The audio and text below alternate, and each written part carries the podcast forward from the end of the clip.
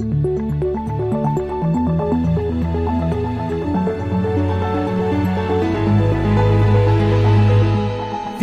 This Morning.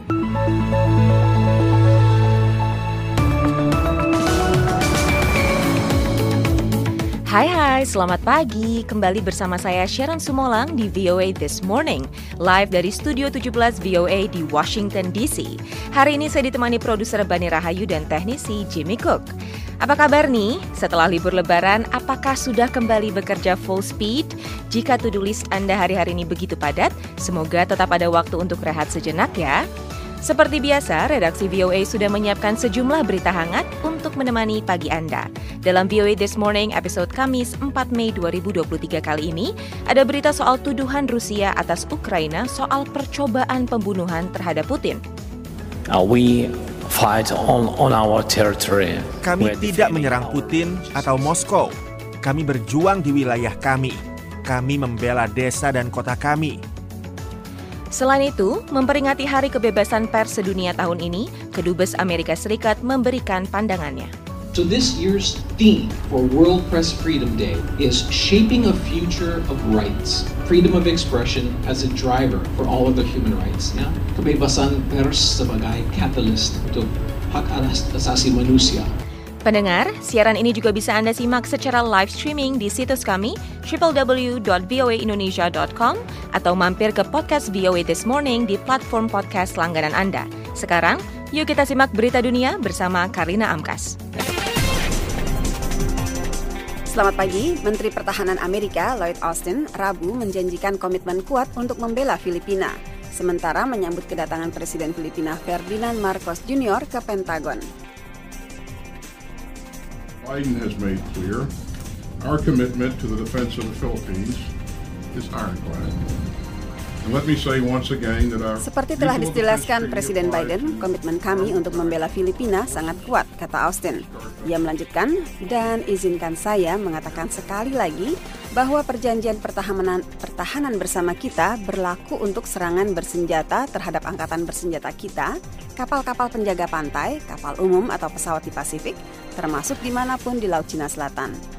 Komentar Austin muncul sementara Amerika memperbarui janji untuk mendukung Filipina dalam menghadapi tekanan penjaga pantai Tiongkok di Laut Cina Selatan.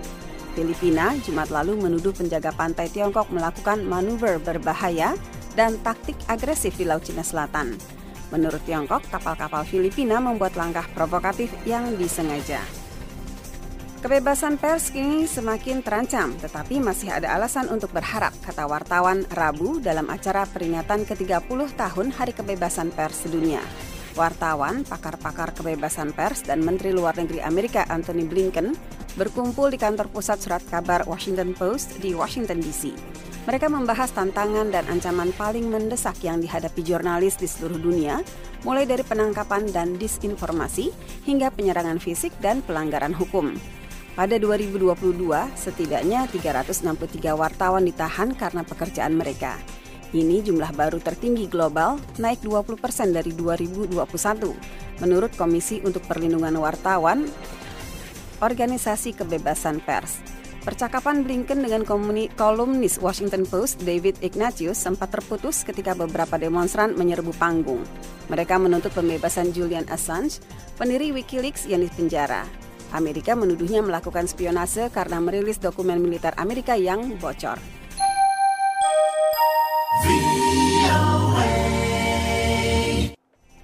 Sehari sebelum melawat ke ibu kota Suriah Damaskus, Presiden Iran Ibrahim Raisi diwawancara media Lebanon Al Mayadin tentang keadaan wilayah tersebut. Dalam wawancara itu, Raisi menyambut baik pemulihan hubungan negaranya dan Arab Saudi.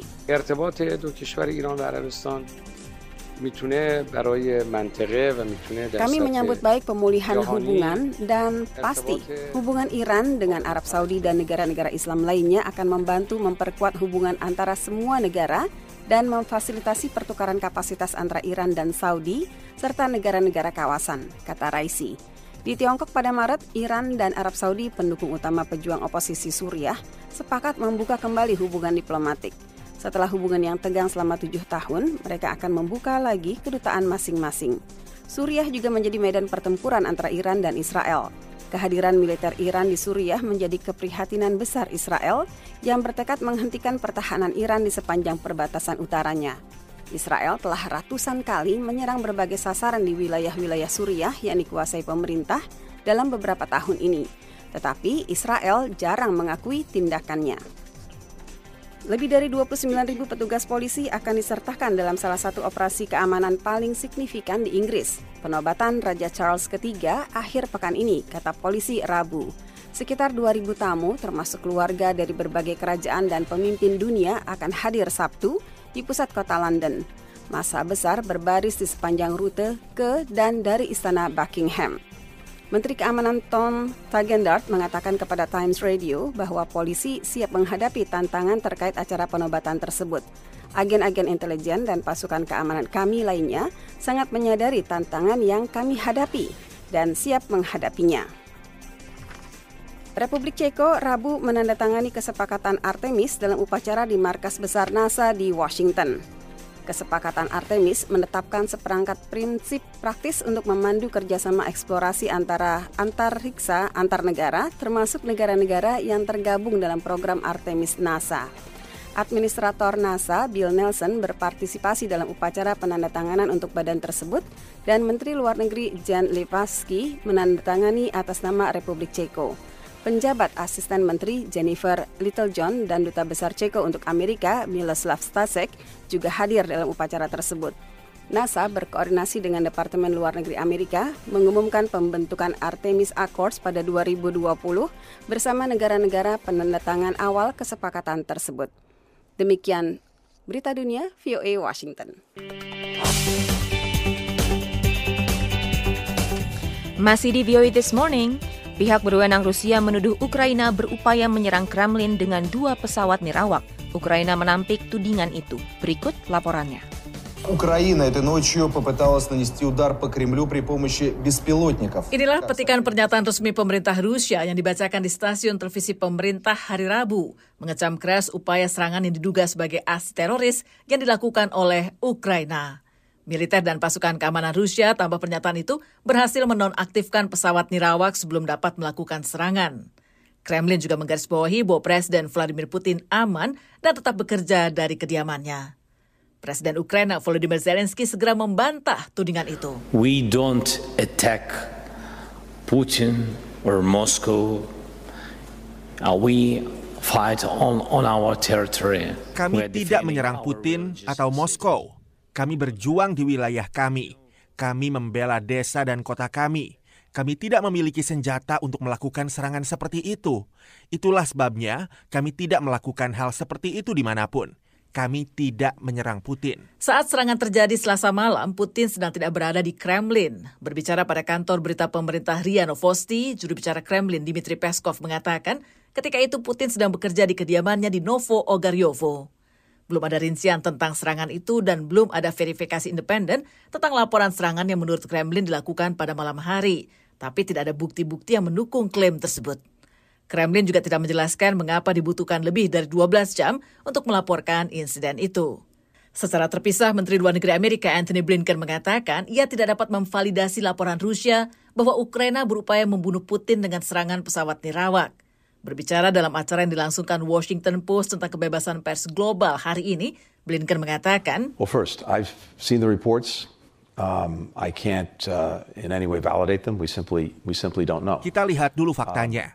Saya akan benar-benar menyaring berita apa pun yang disampaikan Kremlin. I would take anything coming out of the Kremlin with a very large shaker of salt. Seorang pakar Rusia di Free University di Riga, Dmitry Oreshkin mengatakan, ia yakin apa yang disebut sebagai serangan pesawat nirawak terhadap Kremlin justru dilakukan oleh pasukan di dalam negara itu sendiri. Saya tidak yakin ini adalah tindakan yang direncanakan dengan baik oleh Kremlin sendiri. Maksud saya, bisa jadi serangan ini dilakukan oleh sebagian kekuatan di dalam Kremlin, itu bisa saja terjadi. Demikian laporan tim VOA.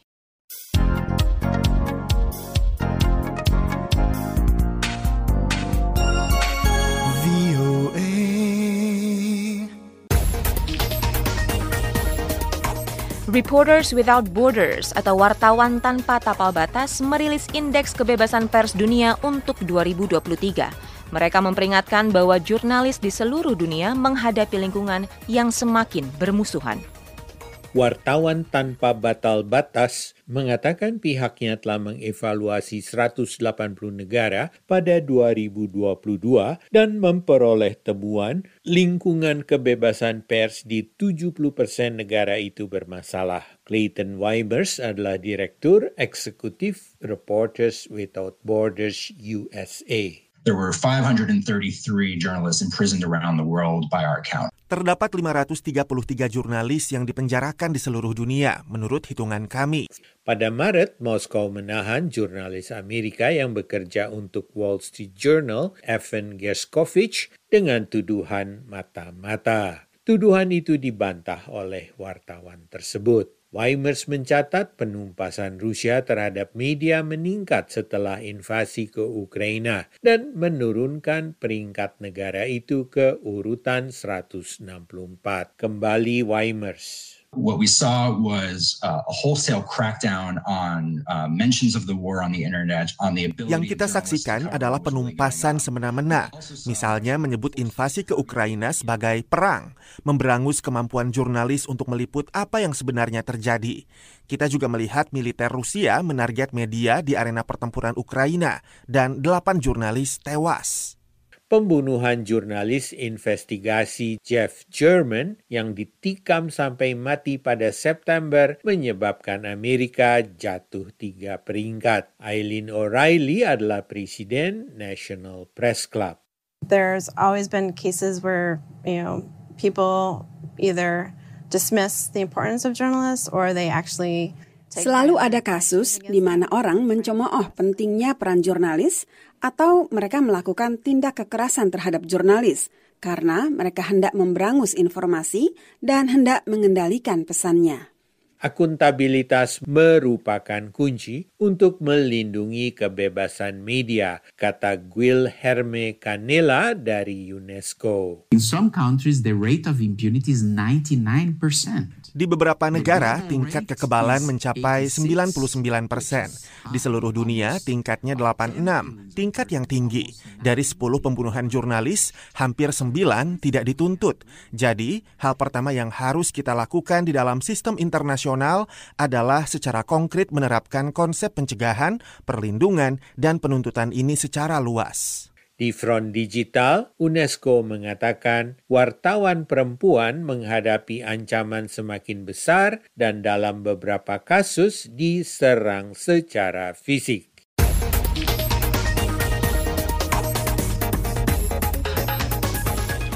Kedutaan Besar Amerika Serikat di Jakarta menilai kebebasan pers merupakan keniscayaan untuk memenuhi hak asasi manusia.